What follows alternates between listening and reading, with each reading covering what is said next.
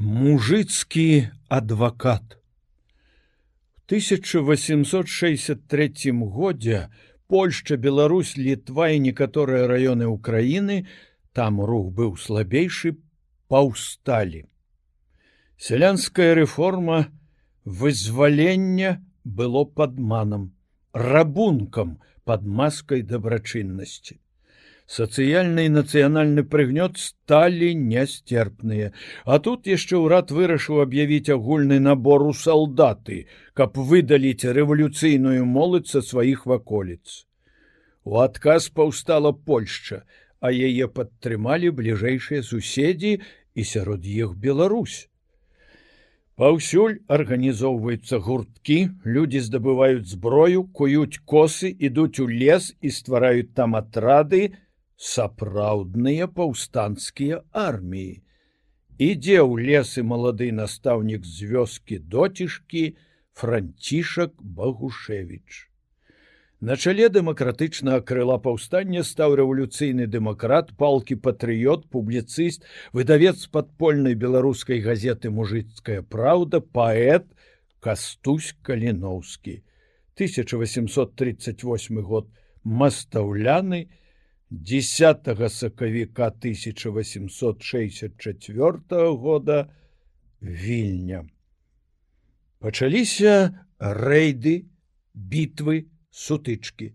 Запалалі даўгавыя распіскі ў маёнтках, паўстанцы напалі на мястэчка сураж, вызвалілі пружаны, узялі горкі, адбылося мноства бітваў под сямяцічамі, под хацінічамі, под барысавым под мелавідамі біліся адчайна і зацята той хто едзе старым баранавіцкім шляхам не можа не звярнуць увагу ля гэтых мелавідаў на капліцу над загіблымі паўстанцамі а праз дарогу крыж над забітымі салдатамі І аднак сілы былі няроўныя, шмат людзей было павешана і расстраляна, шмат тысяч выселена ў Сібір і на туркестанскую лінію на згубу. Душителю паўстання графу мураўёву, які любіў казаць: « Я не з тых мураўёвых, якіх вешаюць, а я з тых, якія вешаюць. Удалося распусціць правакацыйную чутку, што паўстанцы паны, якія паўсталі, каб вярнуць прыгон. Таму ў многіх месцах сяляне не падтрымлівалі паўстанне, трымаліся ў баку, а часам і дапамагалі страляць у паўстанцу і вязаць іх. Не было такой подласці, на якую не пайшоў бы царызм у барацьбе з мяцежнікамі заліць магілы расстраляных, дзе адбываліся маўклівыя маніфестацыі слоем гною, каб зрабіць наведванне фізічна немагчымымі. Гэта было яшчэ мала. Спецыяльна падкідалі непажаданым людзям у хату ці дом зброю, вешалі мужчын на вачах у жанчын, падмануты селянін, які верыў цару, збольшага глядзеў на гэта збоку. Дзеці дэмакраты, як казаў герцн, пачалі жудасны пасеў прыгоннікаў бацькоў. Здраднік выдаў каліноўскага. Квартал заняты універсітэцкімі будынкамі ў вільні, так званыя святаянскія муры, быў ачэплены некалькімі ротамі салдат і паліцыі. Кастусь не ведаў, што жандарам вядома яго канспіратыўная клічка. Выйшаў насустрач салдатам са свечкай і быў схоплены. Нікога не выдаў. Грамадская шчырасць, добрая якасць, а шпіёнства апаганьвае чалавека, так мяне выхавалі. І 10 сакавіка, 1864 года быў павешаны у вільні. На словы прысуду дваранін каліноўскі адказаў у нас няма дваран. Усе роўныя. Перадсмяротны яго верш абляцеў усю краіну. бывай здаровы мужыцкі народзе жыві ў шчасці жыві ў свабодзе і часам спамяні пра яську свайго што загінуў за праўду для добра твайго. А калі слова пяройдзе ў дело тады за праўду станавіся смело бо адно з праўдай у грамадстве згодна дажджэш народзе старасці свабодна горка пакінуць зямельку родную цябе дарагі мой народзе грудзі застогнуць забаліць сэрца но не жаль згінуць за твою праўду для таго то народзе ухапіўшы за што зможаш за касу сякеру і цэлай грамадой ідзі ваяваць за сваё чалавечае і народнае права за сваю веру за сваю зямлю родную. Бо я табе з падшыбеніцы кажу народзе што тады толькі зажыве шчасліва. Твой слуга яська гаспадар з-пад вільні. Богушевич быў паранены ў нагу падчас бітвы пад сувалкамі. Адляжаўся у спачуваючых і схаваўся на ўкраіне. Ясна што ехаў не ў белы свет што там былі сябры. Вучыўся ў нежанскім юрыдычным ліцэі.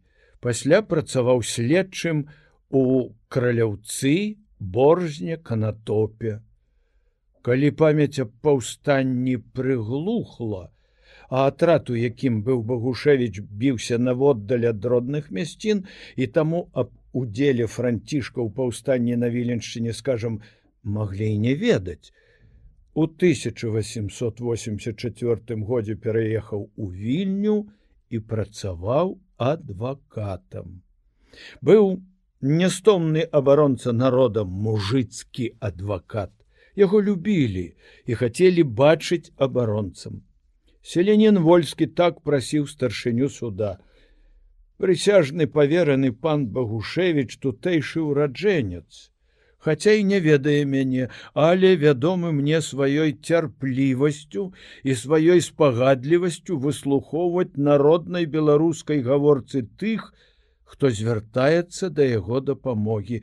Я быў бы упаўне шчаслівы, калі б выбар выпаў на яго. Паколькі мова была забаронена, паэт выдаў дзве свае кніжкі за мяжой дудку беларускую кракаве у 1891 годзе смык беларускі дзесьці за мяжой познань была пастаўлена мабыць для цэнзуры у 1894 годзе падрыхтаваныя ўжо зборнікі беларускія апавяданні і скрыпачка беларуская не ўбачылі свету першы зарэзаны цэнзурай а другі згубіўся пасля смерти багушевича Вось урывак з яго прадмовы да дудкі беларускай. Братцы милыя дзеці зямлі маткі маёй вам ахвяруючы працу сваю мушу з вами пагаварыць трохі аб нашай бацькавай спрадвечнай мове. І далей як сам ён думаў што мова наша мужыцкая але пахадзіўшы па свеце пераканаўся што мова наша ёсць такая ж людская і панская як і французская альбо нямецкая.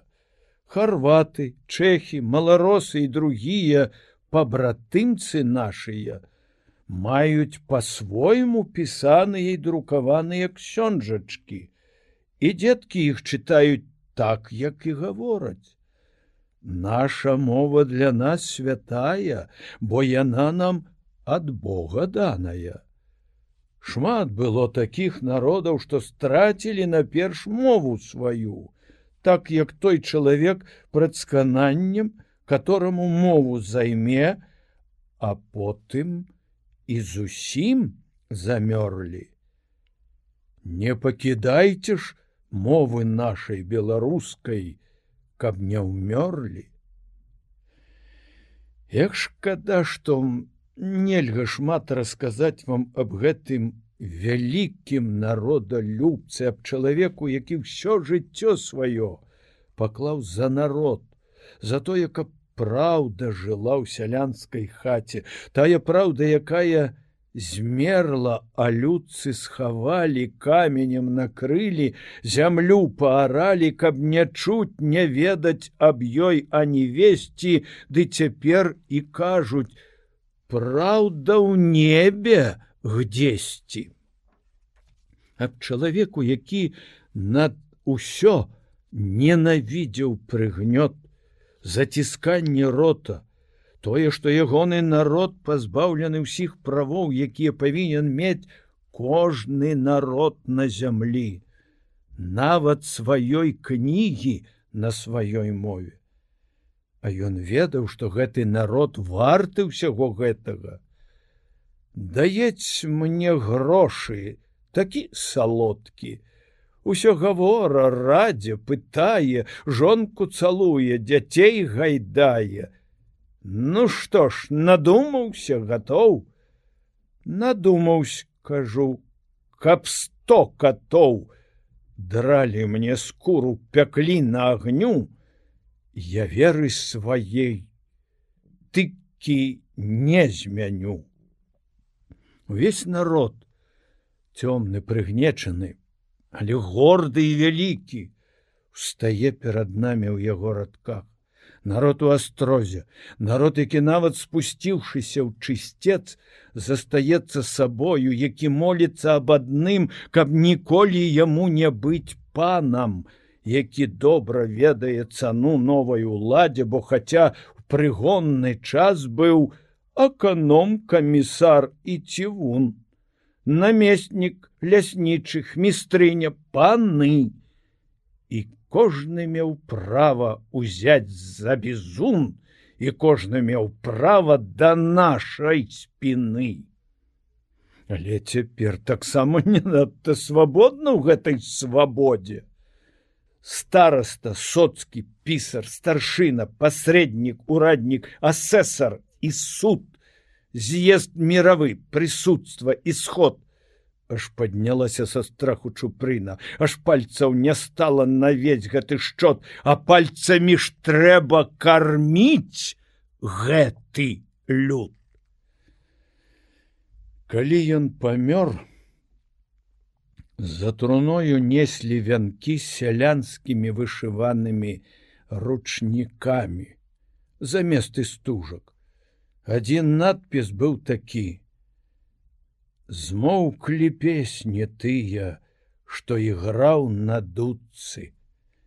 У памяць аб мацею бурачку псеўданім паэта з'явіўся верш на мой погляд сялянскім. Не скончыў бедны ён песню сваіх, што нашай гутаркай усё нам спяваў, аб нашай долі, аб долі усіх. Ён нашы слёзы песняй абціраў.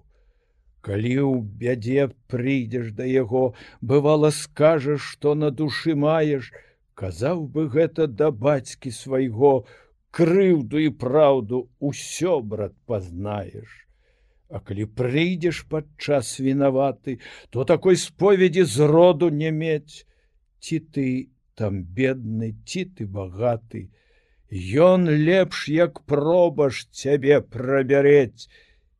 Вечны ж яму пакой вечна адпачынне. Анёл панскі звеставаў гаварыце людзі каб Бог найвышшы даў яму збавення няхай яго душачка сярод святых будзе. Селянін верыў. Ну святыя не ў святыя быў багушевич грэшны хорошы чалавек. А вось у сэрцах беларускі паэт заставаўся сярод самых дарагіх людзей.